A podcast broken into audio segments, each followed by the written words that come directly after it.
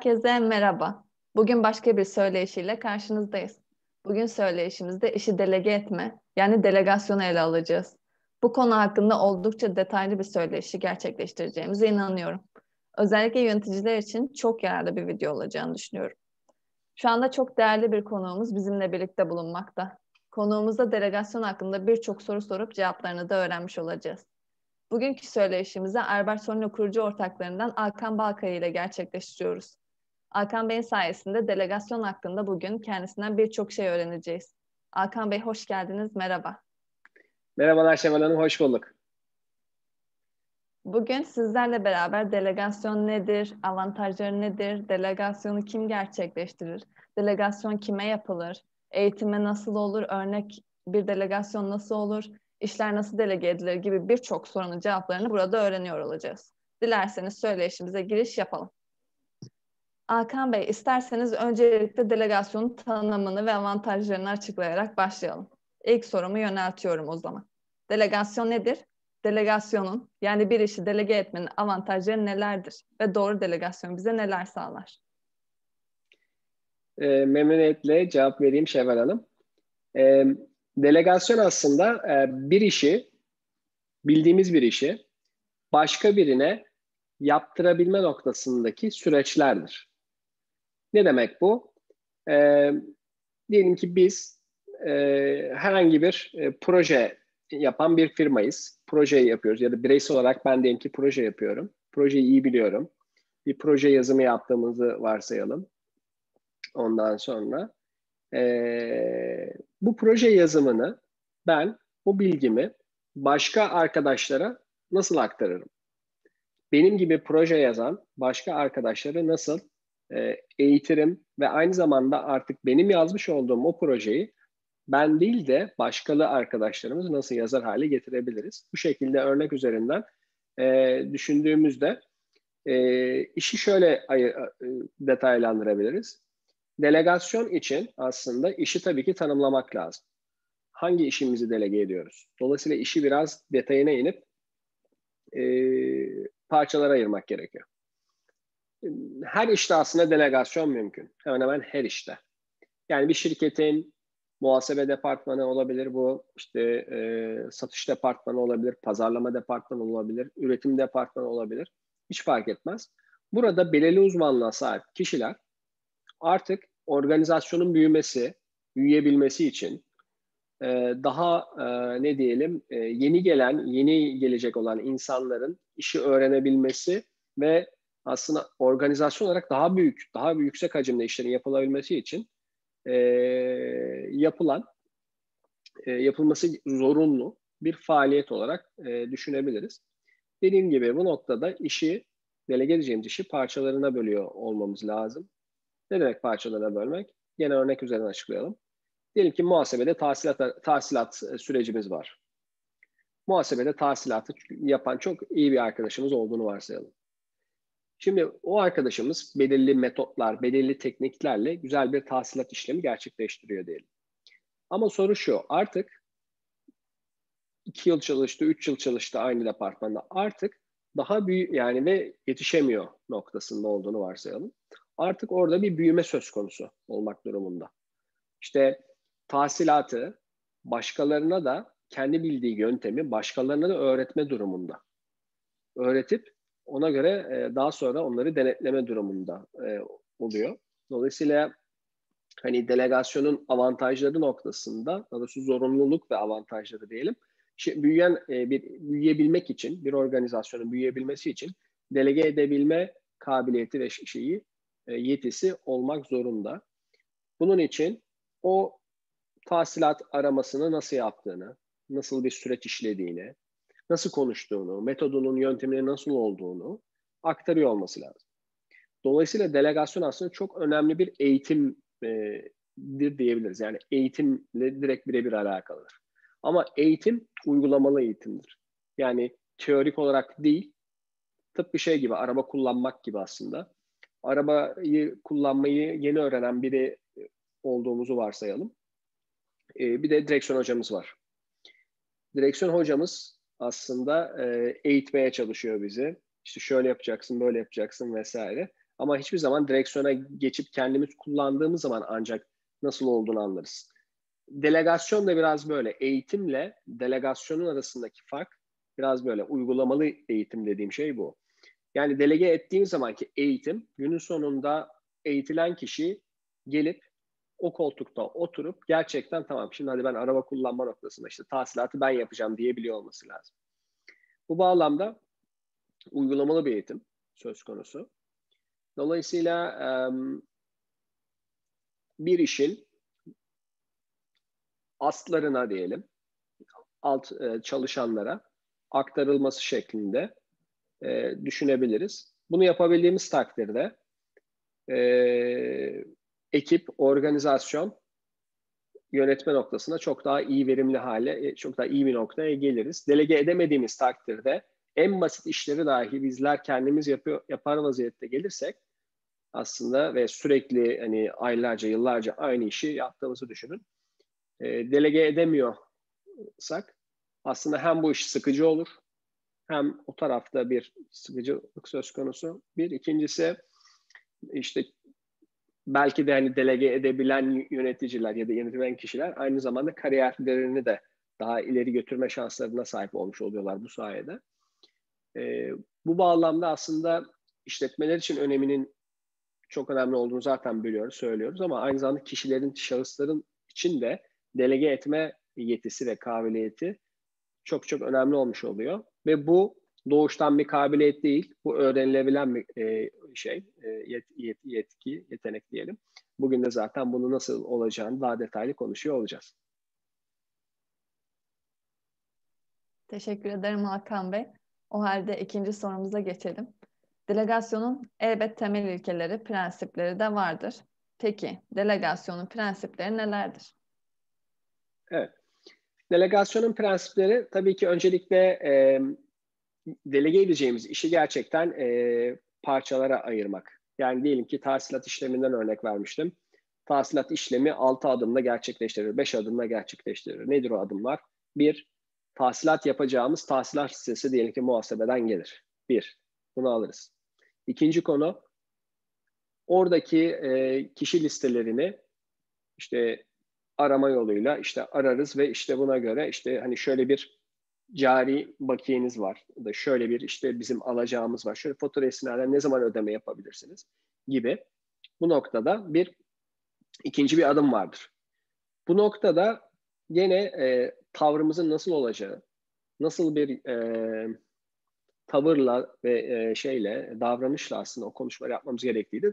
O da işin taktiksel ve aslında bir anlamda şirket açısından prensip vari bir e, şey eğitim de söz konusudur. Yani şöyle aramalısın, şöyle yapmalısın, çok üstüne düşmemelisin ya da işte çok üstüne düşmelisin. Neyse bunlar şirketten şirkete değişebilir.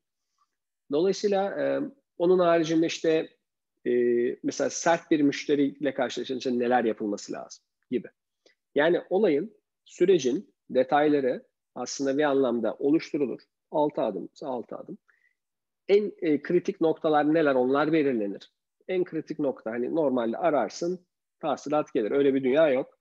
İşte nerelerde problemler olur? Nerelerde e, uç noktalar nereler? Riskli noktalar ya da işte böyle kriz ya da işte böyle karşılıklı böyle tartışma vesaire olabilecek noktalar var mı? Bunlar e, yine söylenir. O kişi tarafından, dele gelecek kişi tarafından. Dolayısıyla iş süreci detaylı bir şekilde ortaya konur. Birinci aşama. İkinci aşama e, bunlar tabii ki anlatılır. Yani bir eğitim söz konusu bu anlamda. Yani bak işi ben böyle yapıyorum. Şu süreçlerden geçiyor vesaire vesaire neyse. Ondan sonra eğitim e, ve hani uygulamalı bir şekilde belki de hani belki örnek olarak nasıl yaptığını o delege edilecek kişi belki de izlemeli, görmeli. Aa böyle yapılıyormuş vesaire. Bu kolaylaştırır delegasyon sürecini. Ondan sonra bir belki de e, üçüncü adım ondan sonra ilk denemelerin yapılmaya başlanması. Artık ilk arama listesini mesela sen al demesi. Yani işin altı adımda bir işse bu tahsilat işi örnek veriyorum. Tamam hani şimdi muhasebeden sen al listeyi. Bakalım alıyor musun? Aldın okey mesela şu firmayı ara. Bakalım nasıl oluyor. Hani o orada yavaş yavaş hani direksiyonu diğer delege edilen kişiye bırakmaya başlıyoruz aslında. Ama bunu yaparken temkinli. Yani onu böyle şey yapmayacak. E, çok zora sokmayacak. Ve nispeten konu üzerinde eğitimle e, bu süreci geçirebiliriz. E, bunları da yapmaya başladıktan sonra yavaş yavaş artık eğer karşı tarafta yani delege eden edilen kişi de bu noktada e, kendini rahat hissetmeye başladıkça yavaş yavaş parça parça işler kendisine verilmeye devam edilebilir. Kendisine verilir ve sürekli bu noktada feedbacklerle, geri bildirimlerle bak burada şöyle konuştun ama şunu yapabilirsin, bak şöyle daha iyi olabilir, şu şekilde davran ya da şu şekilde bir hazırlık çalışması yap gibi eğitim faaliyeti yine devam ediyor olabilir. Ta ki gerçekten e, kendisi o delege eder, edilen kişi kendisi gerçekten alıp götürene kadar. E, bu bağlamda eğitim yani öncelikle iş süreçlerinin delege edilen işin ortaya konulması bir. İkincisi işte eğitim. Üçüncüsü deneme e, ne diyelim denemelerin başlaması yani deneme işi delege etme tarafındaki denemelerin başlaması ufak ufak. Ondan sonra akabinde sürekli geri bildirimle şöyle yapabilirsin, böyle böyle daha iyi olur vesaire bu şekilde bir süreç. Ee, ve nihai olarak da son olarak da işi gerçekten artık e, o delege eden kişinin devam ettirmesi. Bu tabii işten işe, firmadan firmaya değişebilir.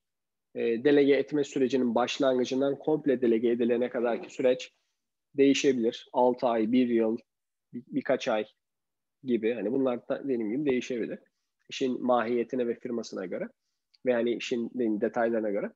Ancak bunu yaptığımız zaman delege eden kişi yaptı gene bitmiyor. Denetim mekanizmasının her zaman olması gerekiyor. Gerçekten ara ara e, işlerin gerçekten yolunda gidip gitmediği, gerçekten e, en baştaki yöntemlere göre e, bu işi delege eden kişinin aynı performansta mı olduğu ya da daha mı iyi olduğu bunlar kesinlikle e, takip edilmeli. Denetim mekanizması olmak durumunda. Bu ona polislik yapmak için değil, gerçekten sağlıklı bir delegasyon yapılıp yapılmadığını anlayabilmek adına. E, bu da yapılıp gerçekten burada da hani her şey yolunda gidiyorsa aslında delege eden kişi bir anlamda ne olmuş oluyor? Yavaş yavaş yönetici pozisyona geçmiş oluyor. Dolayısıyla hani e, işletmeler için önemi sonuçta e, e, bir anlamda o yetkinliğe sahip başka insanların yetişmesi olmuş oluyor. İşte diyelim ki tahsilat aramasıyla alakalı bir kişi vardı. Şimdi artık iki kişi var. Daha yoğun bir şeydi. Şimdi iki kişi. Yani öbür gün bir kişi daha eğitti. Üç kişi oldu.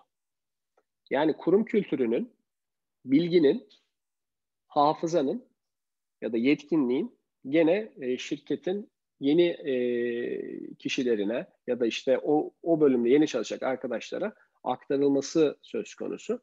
Bilgi dolayısıyla bu şekilde yayıl, yayılıyor. Büyüme, organizasyonel gelişim ancak bu şekilde mümkün. E, ve her yönetici adayı delege etme noktasında delegasyonu e, bilip uygulamak durumunda. Uygularsa zaten yönetici olur. Uygulayamazsa yönetici değil, kendi işini ha, hala aynen devam etme noktasında olur diyebiliriz. E, genel olarak aslında e, ilkeleri bu şekilde söyleyebiliriz. Bu noktada delege ettiği zaman kişi işini kendisi tabii ki boşta e, boşa çıkmıyor. O kaç kişi delege ettiyse, kaç kişi delege ettiyse onları tabii ki denetim mekanizması söz konusu. Artı belki başka işlere de geçiş yapabilir. Hani başka yani kendini bir anlamda artık e, bir üst kademeye çıkartmış oluyor. Ne bakımdan? İşte ben tamam artık bu işi gayet iyi öğrendim. Ben bu işi başkalarına da aktardım ve o başkaları da en az benim kadar iyi artık bu işi yapabiliyor. Belki benden daha yapabilecek. Okey, o dolayısıyla organizasyonel bir basamak kendisi atlayabiliyor. E, bu noktada da dediğim gibi e, çalışan arkadaşlar açısından da delegasyon e, önemli. Eğitim bir, bir şeyi eğitebil, birine eğitebilmekten geçiyor. E, sabırlı olmaya gerektiriyor tabii ki. Ondan sonra e, basit e, anlatım ve gerçekten pratik olarak yani biraz empati yeteneği, gerekiyor. Biraz değil, bayağı bir empati yeteneği gerekiyor. Ama bunlar dediğim gibi öğrenilebilecek şeyler. Sabır e, burada önemli bir kavram. E, sabırlı bir şekilde arkadaşları e, kendi bildiğini e, verip daha akabinde de e, e şeyi e, organizasyonu büyütme noktasında bir e, kavram bir e, süreç olmuş oluyor. Aslında delegasyonu herkes yapıyor. Delegasyonu biraz daha günlük hayattan örnek vermeyi severim ben bilirsiniz. Aslında e, delegasyonu en iyi kimler yapıyor? Ebeveynler yapıyor tabii ki delegasyonu. Nasıl yapıyor? İşte mesela anneler değil mi? Ondan sonra işte kız çocuklarına belki yemek işlerini delege ediyorlar. Örnek vereyim mesela. hani onlar büyüyünce değil mi? Onlar şey olunca bakıyorsunuz evde bir delegasyon gerçekleşmiş. Artık yemek noktasında e, belki de artık o e, genç e, bayan arkadaşlar belki de yemek işini üstleniyor ya da işte başka ev işini üstleniyor. Ama onu üstlenirken ne yapıyor aslında annemiz? İlk başta ilk yaptığınız yemek hiçbir zaman güzel olmaz yani hani doğal olarak ama ilk yaptığınız bir şey vardır.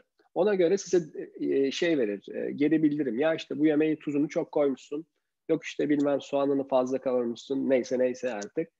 E, dolayısıyla o delegasyon aslında sosyal hayatımızda da var olan bir delegasyon. İşte babalar da mesela çocuklarına değil mi? Mesela işte e, hayat hakkında mesela bir şeyler öğretirler. Onlara bir şeyleri e, eğitirler. Ve belki de yarın öbür gün işte şu an artık öyle şeyler kalmadı ama hani eskiden ya işte ne bileyim evin faturasını git sen yatır. İşte şurada ne bileyim işte e, git bakkala hani sen e, bir bakkala git bakalım falan filan. Daha önce kendi gidiyordu. Şimdi artık çocuğunu götürüyor. O bile bir delegasyon. delegasyon. E, o sayede ne yapıyor işte anne ve baba biraz daha rahat evde e, şey yapabiliyorlar, dinlenebiliyorlar. İşte iş delegasyonu da öyle aslında.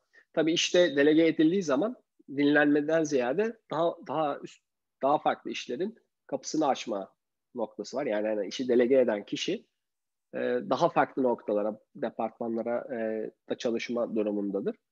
E, böyle bir farkı var ama e, delegasyon yabancı olduğumuz bir konu değil. Herkesin mutlaka hayatında bir şeyleri delege ediyor. Bunu sadece kavramsal olarak tespit edip evet bunu delege ediyorum. İşimde de işimi de delege edebilirim e, noktasına bir bakış açısına sahip olurlarsa zaten e, bu yetkinlik çok daha e, hızlı geliştirilebilir. Teşekkürler Alkan Bey. Örneğinizle beraber gayet açıklayıcı olduğunu düşünüyorum. E, o zaman delegasyonun kimin gerçekleştirdiğini, neden gerçekleştirdiğini, kimlere yapıldığını anlatmış oldunuz. Peki delegasyonun yapılacağı kişi seçilirken nelere dikkat edilmeli? Sizden bunların cevaplamanızı rica edeceğim. E, tabii ki. Şimdi delegasyonu e, gerçekleştirilecek kişi, yani delege edeceğimiz kişi tabii ki e, o işle alakalı e, bir isteği olması lazım tabii ki. Ama tabii ki o işi başlangıçta bilmeyebilir. Çok isteği de olmayabilir. Dolayısıyla neyle karşılaşacağını e, başlangıçta söyleyip karşı taraftan da evet tamam ben bunu yapabilirim onayını almasında fayda var. Evet ben bu işi yapabilirim. Dolayısıyla hani e, işi delege edeceğimiz kişiden karşı taraftan bence bir rıza alınması gerekir. E, evet ben bu işi yapabilirim noktasına onay gibi düşünün. Evet kulağa yapabilirim gibi. Dolayısıyla başlangıçta bu. Niye diyecek olursanız çünkü e, genelde hep e, çeşitli ne diyelim dirençler gösterilir. Yeni bir şey, yeni bir yeni bir şeye karşı insanoğlunun doğanın bir e, kanunu, bir direnç söz konusudur. Dolayısıyla o direnci minimum seviyede tutmak, e, delegasyon yapılırken e, gerçekten niçin o delegasyonun yapıldığı, o delegasyonu yapınca o delegasyonu alan kişi yani yapılan kişi e, ne gibi artıları olacak? bunlara ciddi bir şekilde anlatılmalı. Anlatılırsa en azından oradaki direnç seviyesi daha az olur. Azaltılabilir. Mutlaka ama direnç olacak o kesin. Ama direnç seviyesi az olur ve yani e, iş kolaylaşır. Dolayısıyla hani e, bu noktada işi delegeceğimiz kişiyi seçerken de bu anlamda bu yeniliğe açık olan kişiler tabii ki olmak durumunda. Zaten hani iş hayatında şöyle bir gerçek de var hani delegasyona açık olmuyorsa bir kişinin, bir kişi delegasyonu almaya zaten hani çalışma ihtimali de çok fazla olmayabilir açıkçası. Mutlaka hepimiz şirket sahipleri, yöneticileri dahil aslında mutlaka bir yerlere bağlıyız ve hani mutlaka ödevler alıyoruz. Bir şeyler bize delege ediliyor. Mesela biz bir hizmet şirketiyiz Albaç Sorun olarak. Mesela biz iş e, aldığımız zaman bir e, herhangi bir projeye başlayacağımız zaman aslında o işi şirket bize delege ediyor o projeyi. Diyor ki tamam sen bizim yönetim danışmanlığında işte insan kaynakları performans yönetim sistemimizi tasarla diyor. Kendi yapabilir aslında ama bize veriyor. Niye? Çünkü biz yetkin, tecrübeli, hızlı aksiyon alan, e, referansları olan bir firmayız. Bize verdiği zaman o işini en azından biraz daha çok daha iyi bir şey olacağını, karşını alacağını bildiği için mesela bize veriyor. Dolayısıyla hani işi delege edeceği kişi ya da kurum bu bu şekilde değerlendirmiş oluyor. Dolayısıyla herkes deleges, delegasyona açık olmak durumunda e, bir şeylerin kendisine görev olarak verilmesine. E, e, bu bağlamda düşündüğümüzde tabii işe işe uygun olması da önemli yani delege edeceğimiz kişinin. Yani o işle alakalı dediğim gibi o da rıza almakla hani e, e, bir şey mümkün olur. Bir ikincisi gerçekten daha önce tecrübeli olduğu bir alanda alansa o yeni başlayacağı iş kendisine delege edecek iş. Tabii ki bunlar tercih edilmeli. Çünkü e, kendisine katacağı ekstra bir sürü konu olabilir bu bağlamda. Dolayısıyla bu şekilde söyleyebiliriz özet, özetle. Peki Alkan Bey, iş delegasyonu eğitiminden bahsettiniz çokça. Peki, iş delegasyonu kapsamını bir kişi tam olarak nasıl eğitilir? Ee, evet, az önce de bahsettiğim gibi e, kurumların farklı farklı metotları var tabii ki. E, kurumdan kuruma değişmekle beraber eğer yeni e, bir e, işe başlayacak olan ya da yeni bir departmana geçecek olan kişi o departmanla ilgili belki hala hazırdaki prosedürleri okumakta başlayabilir. Prosedürler vardır. Eğitim programları olabilir. Eğitimler, videolar olabilir ya da çeşitli dışarıdan eğitimler olabilir. Bunları öğrenmekte başlar. Ama ben daha çok şuna önem veriyorum. İş delegasyonunu yapan kişiyle delegasyonu yapılacak kişinin arasındaki etkileşim en önemli konu bence. E, diğer türlü hani e, kitabi olarak okunması, okunması çok bir e, fayda sağladığını düşünmüyorum. Bu bağlamda da e, işi delege edilecek kişiden ziyade delege eden kişinin çok e, önemli bir şey görev e, görevi var orada. E, gerçekten e, süreci basit bir şekilde ortaya koyması gerekiyor. Yani basitleştirmesi gerekiyor. Ve e, kendi için aslında bir e, tespit etmesi gerekiyor. Tamam ben ne iş yapıyorum diye yaz, yazsa aslında şöyle günlük. Anlatabildim mi? Hani hangi işimi delege ediyorum? Okey ben peki günlük ya da haftalık ne iş yapıyordum? Yazalım. Ondan sonra ya bakacak aslında orada bir rutin var. Belki işte rutin olarak işte günlük, haftalık ya da aylık bir rutin var. İşte o rutinler aslında bir anlamda ana şeyler, kilometre taşları. Yani o rutinler.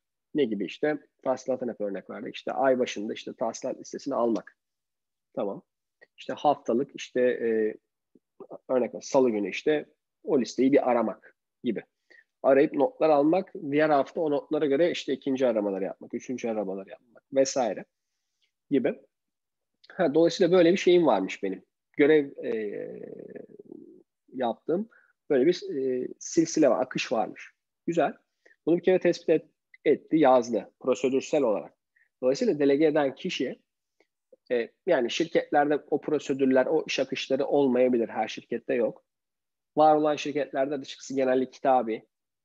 Dolayısıyla aslında iş süreçlerini tespit etmesi, iş süreçlerini yazması o da yani şey basit e, bir şekilde. Yani e, ben ne iş yapıyorum? Haftalık, günlük yazacak. Rutinleri tespit edecek. İşte onlar ana dediğim gibi şeyler. Kilometre taşları. O kilometre taşlarının üzerine oralarda yazmadığı bir de tavır ve tutum var. Ararken nasıl davranması gerektiği. Bir politika var. Onu da işin içerisine katmak durumunda. Tamam benim işim bu ama işin içerisinde bir de ruh var. Sonuçta insan o aramaları yapıyor ve de bir şirketin bir politikası var. Mesela tahsilatlarda örnek veriyorum size. Fatura kesiliyor diyelim ki. Fatura kesildi. Fatura kesildi kesilmez bir ertesi gün ararsanız çok da hoş bir şey olmayabilir. Hani şey gibi tabiri caizse böyle çok hızlı acele ed- ediyormuş gibi. Mesela şirketlerin böyle politikaları da vardır. Dolayısıyla hani fatura kesilir ama işte en erken iki hafta sonra aramak lazım gibi. Bunlar da ortaya konur. Yani buradaki benim nasıl bir politikayla bunları yapacağım, nasıl bir söylemle e, davranmalıyım e, ondan sonra bunlar ortaya konulmalı delege eden kişi tarafından.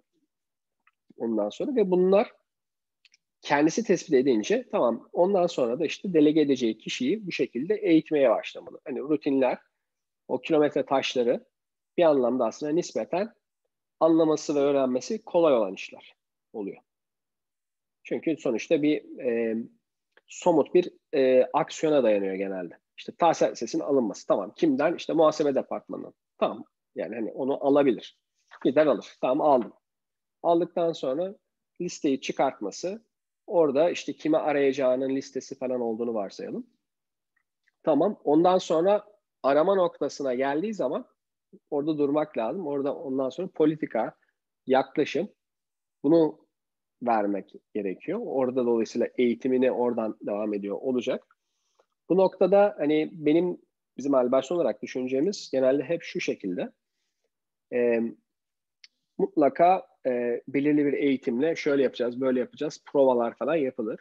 Prova diyoruz buna.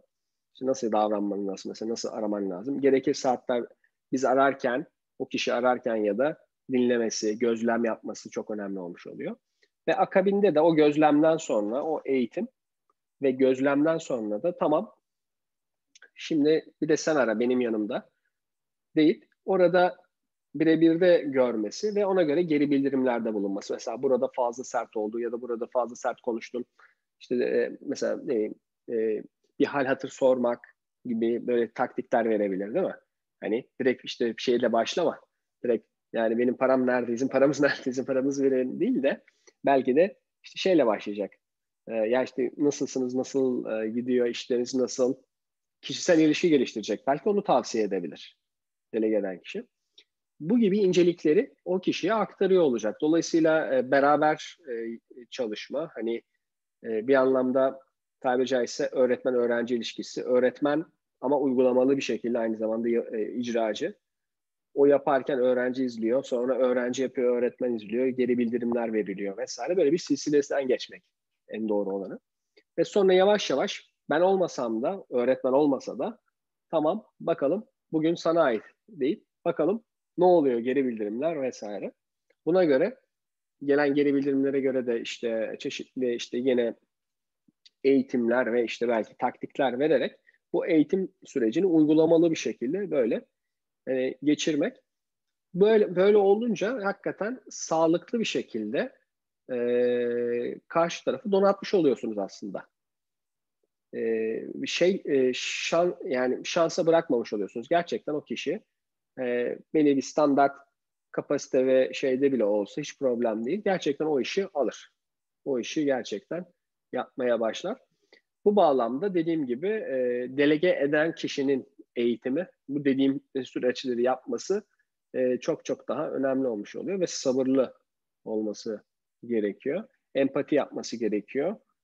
E, ya bu kişi nerede hata yapar muhtemelen diye düşünüp o kritik noktaları da ona e, anlatması gerekiyor ki süreç daha hızlı delegasyon gerçekleşsin. E, bunu yapabilen organizasyonlar, bunu yapabilen şirketler gerçekten e, güzel bir şekilde büyümelerini gerçekleştirebiliyorlar. E, böyle bir olguya sahip olmayan şirketlerde genelde e, işte kurum hafızası, bilgiler, şeyler herkesin, bireylerin kendisinde kalmış oluyor. O birey yarın öbür gün şirketten ayrılıyor da bir şey olduğu zaman komple bütün aslında şey hafıza, bilgi birikimi vesaire o kişiyle beraber maalesef şirketten gitmiş oluyor. Bu bağlamda da e, şey bir şey, e, olumsuz olmuş oluyor. Eğitim konusu gerçekten çok çok e, kritik bir e, konu olarak e, önümüze gelmiş oluyor. E, dolayısıyla şirketlere bizim tavsiyemiz e, hatta şunu bile söylüyoruz. Sizler de biliyorsunuz Şevval Hanım.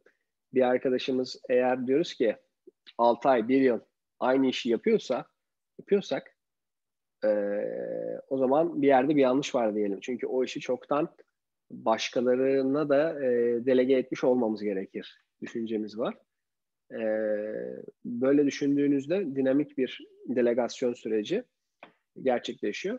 Ve işin güzel tarafı da şu, delegasyonu yapan yaptığınız zaman gerçekten başka insanları da artık e, sizin daha önce iyi bildiğiniz bir konuyu onların da yapmaya başladığını sizin sayenizde gördüğünüz zaman onun tatmini bambaşka oluyor.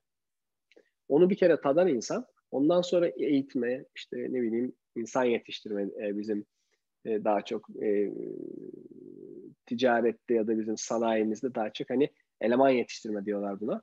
Daha şey bir tabir. E, hani delegasyon aslında eleman yetiştirmedir tabii ki. Eleman yetiştireceksin ki delege edesin. E, bu bağlamda e, e, önemse, çok önemsenmesi gereken ve bir kere yapıldığı zaman da gerçekten e, insanları mutlu eden bence bir süreç. Dolayısıyla hani eğitim konusu bayağı uzun tuttum çünkü en önemli konu aslında delegasyon. Evet Hakan Bey eğitim konusu çok önemli ve siz de detaylı olarak güzel anlattığınızı düşünüyorum. Teşekkür ederim tekrar. Şimdi başka bir soruya geçelim. Bence bu da en önemli sorulardan biri olacak. Başarılı delegasyon nasıl yapılır? Örneklerle açıklayabilir misiniz? Tabii ki. Aslında e, bu konuya da bayağı bir değinmiş oldum aslında önceki bölümlerde. E, başarılı delegasyonun olabilmesi için delege eden kişi gerçekten işi e, çok iyi bir şekilde e, bölüm parçalara ayıracak dedik. E, sabırlı olacak dedik.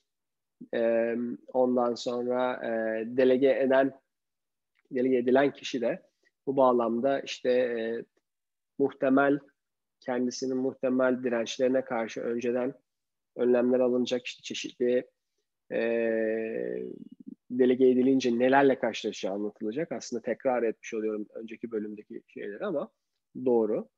E, dolayısıyla e, başarılı delegasyon noktasında e, bir yönetici şunu düşünmeli yani bir şey bir işi delege eden bir kişi şunu düşünmeli aslında başarılı olup olmadığını şöyle ölçebilir. Hani nasıl başarılı olabileceğini anlattık ama e, başarısını şu şekilde ölçebilir. E, bir ay diyelim ki o şirkette yok o yönetici. Ama delege ettiği işler var. Delege ettiği kişi e, ile alakalı o bir ay sonra geliyor diyelim ki şirkete müşterilerden ya da muhatap olduğu şeylerden sıfır şey, sıfır şikayet ya da neyse. Her şey dört dörtlük işliyor. Bu mesela başarının en büyük göstergesilerinden biri tabii ki bu. Dolayısıyla artık onsuz da yapabilecek bir insan yetiştirmiş oluyor işiyle alakalı, işini delege etmiş oluyor. Biraz tabii bu şey en ideali. Biraz daha yakın vadede işini delege ettikten sonraki başarı kriterini şu şekilde ölçebilir. Acaba delege eden kişi ne kadar tedirgin ya işte yapıyor mu yapamıyor mu falan ne kadar acaba denet denetliyor. Denetimin neticesinde e, içi rahat mı yoksa hala problem olduğunu görüyor mu? Hani o delege ettiği kişi de. Hala acaba bazı noktalarda tam anlaşılmamış noktaları tespit ediyor mu? Dolayısıyla bu bağlamda bu biraz daha hani üzerinde çalışılması gerekiyor demek oluyor. Tam olarak delegasyon %100 gerçekleşmemiş demek oluyor. Özellikle rutin olarak, düzenli olarak herhangi bir konuyla alakalı sürekli aslında bir problem varsa o ayrıyeten ele alınıp tekrardan delegasyon süreci o spesifik konuyla alakalı yürütülmeli. Anlatabildim Mesela ne bileyim diyelim ki hep tahsilat sürecinden gittik. Mesela tahsilatı yaptı. Notları mesela gir, girmiyor örnek. Ya da işte notlar giriliyor ama diyelim ki e, orada e, belki de müşterilerin reel borçlarıyla kendi ararken söylediği rakamlar uyuşmuyor diye bir senaryo ortaya çıkartalım gibi. Hani bazı spesifik alanlarda mesela şeyler, problemler varsa o alanlara yönelik tekrardan ince bir şekilde e, giriş yapılmalı. Dolayısıyla buradan şu çıkıyor aslında. Yani delege eden kişi mutlaka belirli bir süre artık işin detayına göre değişir. Mutlaka denetimi, gözetimi bırakmamak durumunda. E, ta ki dediğim gibi hani sorunsuz bir şekilde her şeyin işlediğinden emin olana kadar. E, başarılı delegasyon noktasında bu adımları izlemek gerekiyor e, diyebiliriz. Evet yani bu şekilde özetleyebiliriz. Peki Hakan Bey, işletmelerde hangi işler delege edilir, nasıl delege edilir? Bunun hakkında konuştuk aslında. Peki ne zaman bir iş delege edilmelidir? Dilerseniz bunun üzerine konuşalım. Tabii ki. Bir iş ne zaman delege edilmelidir? Bir iş aslında artık e, işlere yetişemediğimiz bir noktadaysak artık e, sadece bir iş değil, o iş için haricinde bir sürü başka işimiz de varsa dolayısıyla e, ve aslında şirkette büyüyor ise organizasyon büyüyor ise artık işleri delege etme zamanı gelmiş demek oluyor. Ondan sonra bunu zaten şöyle düşünmek lazım güzel bir tabir vardır. Hani e, ne zaman delege edebileceğim, e, etmeliyim diye soruyorsa birisi aslında zamanı gelmemiştir. Delege etme zamanı gelmemiştir diyebilirsiniz. E, ama şunu soruyorsa ya işte ben ya işte bir şeye yetişemiyorum. Yani o işlere yetişemiyorum falan falan. Yani nasıl yapacağım? Hani e, şey yani işlere yetişemiyorum diyorsa evet delege etme zamanı gelmiştir.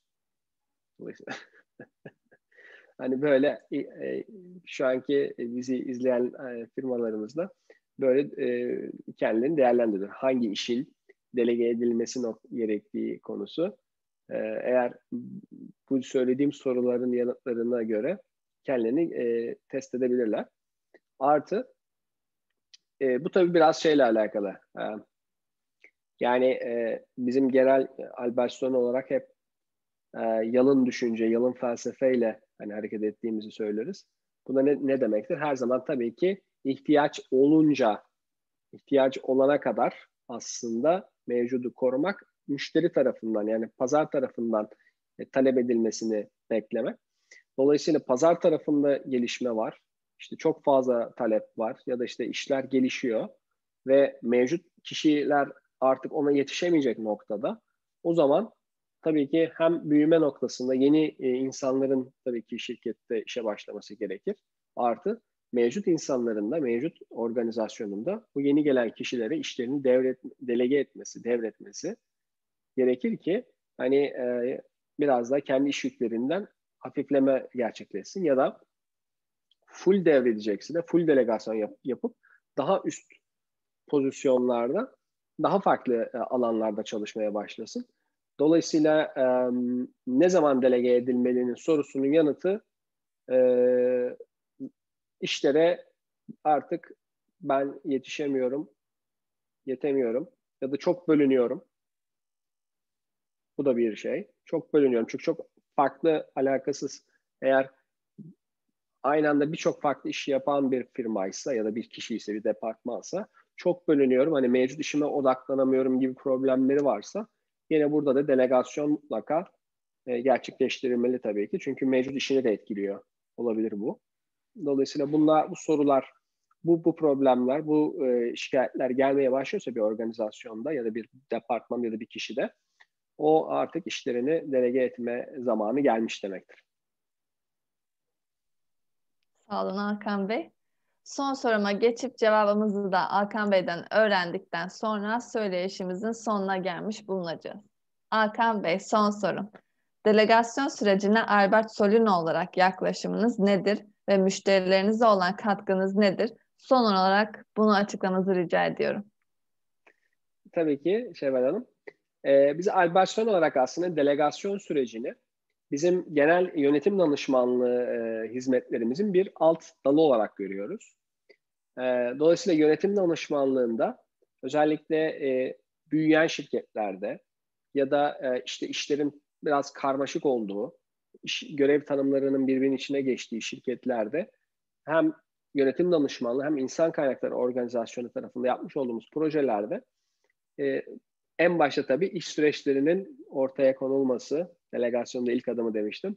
İş süreçlerini ortaya koymak, hatta modellemek iş süreçlerini modellenmek, sonra iş süreçlerini e, gerçekten e, kağıda dökmek ya da neyse belirlemek ve bununla birlikte de e, bu işleri yapabilecek, yapması gereken aslında insanların varlığı kimler olmalı? Dolayısıyla norm kadro insan kaynaklarında norm kadro yapılanması, norm kadro yapılanmasıyla beraber bu görevleri yerine getirecek insanlarda, çalışanlarda hangi yetkinlikler olmalı? Dolayısıyla yetkinlik e, planlama ve bu yetkinlikler tarafında da halihazırda ne iş yapıyor o kişiler mevcutta firmalarda ve yaptığı işlerle normalde pozisyonunda sahip olması gereken yetkinlik arasında bir fark varsa eğitim, insan kaynakları eğitim planlaması bayağı uzun bir yanıt oluyor ama hani bu şekilde hepsi birbirini tetikliyor, hepsi birbirine bağlı. Dolayısıyla bu şekilde e, ve kariyer planlaması tarafında eğer bir kişiye daha üst pozisyonlara geçmek istiyor ise tabii ki insan yetiştirmesi, organizasyon kurması, takım kurması, takım yönetmesi tamamıyla delegasyon yetkinlikleriyle e, bağlantılı. Bu delegasyon yetkinliklerini yani işi başkalarına yaptırma, bölme, işte oluş, süreçleri oluşturma, bölme, belirli parçalarda işte organizasyona yayma yetkinlikleri geliştikçe yöneticilik vaziyet şeyleri, yetkinlikleri de gelişiyor insanların ve organizasyon da büyüyor. Dolayısıyla biz buralarda e, genelde eğitim olarak bunu e, delegasyon tarafında eğitim olarak e, uyguluyoruz. Bir, ikincisi de işte şu an gördüğünüz gibi işte örnekler üzerinden e, bunları e, ortaya koyuyoruz. Ve e, bunların nasıl olması gerektiğiyle alakalı da işte prosedürler, işte delegasyon prosedürleri e, bu şekilde oluşturuyoruz. E, diyebiliriz. Evet, albertasyon olarak delegasyon e, işimizin aslında yönetimin, yönetim bir işi yönetmenin e, en başı tabii ki delege edebilmek. E, yoksa bir kişi oluyorsunuz. Organizasyon işlerini bölüp delege edebilmeyle mümkün. Ve par, işte parçaları ayırıp bölmeyle ve onları da delege etmeyle mümkün. Büyüyen organizasyon zaten mecburen e, delege edebilen organizasyon. Delege ediyor, ediyor, ediyor. Yeni işler, yeni işleri öğreniyor. Onun yeni gelen arkadaşlara, alt, alttan yukarı doğru gelen arkadaşlara delege ediyor. Herkes böyle e, elden ele dolaşıyor ve organizasyon aslında yukarı doğru genişliyor, büyüyor. Dolayısıyla aversion olarak yaklaşımımız bu şekilde. Evet, söyleyişimizin son sorusunu da cevaplanmış, cevaplamış bulunmaktayız. Bugün bir başka çok merak edilen konu üzerinde konuştuk. Delegasyon nedir, avantajları nelerdir, kim gerçekleştirir, kime yapılır, delegasyon eğitimi nasıl olur, örnek bir delegasyon nasıl olur, işler nasıl delege edilir, ne zaman delege edilir gibi soruların cevaplarını Hakan Bey'den öğrendik. Çok bilgilendirici bir söyleşi oldu. Özellikle yöneticiler, sonra da çalışanların buradan birçok bilgi edinebileceğini düşünüyorum. Bu noktada değerli konuğumuz Hakan Bey'e teşekkür etmek istiyorum. Bize zaman ayırıp anlattığınız için çok teşekkür ederiz Hakan Bey. Ben teşekkür ederim Şevval Hanım. Çok keyifli bir sohbet oldu. Çok sağ olun. Son olarak izleyicilerimize de izledikleri için bir kez daha teşekkür ediyoruz. Sorularınız varsa aşağıda yorum bırakabilirsiniz ya da açıklama kısmındaki bilgilerimizden bize ulaşabilirsiniz. Herkese iyi günler.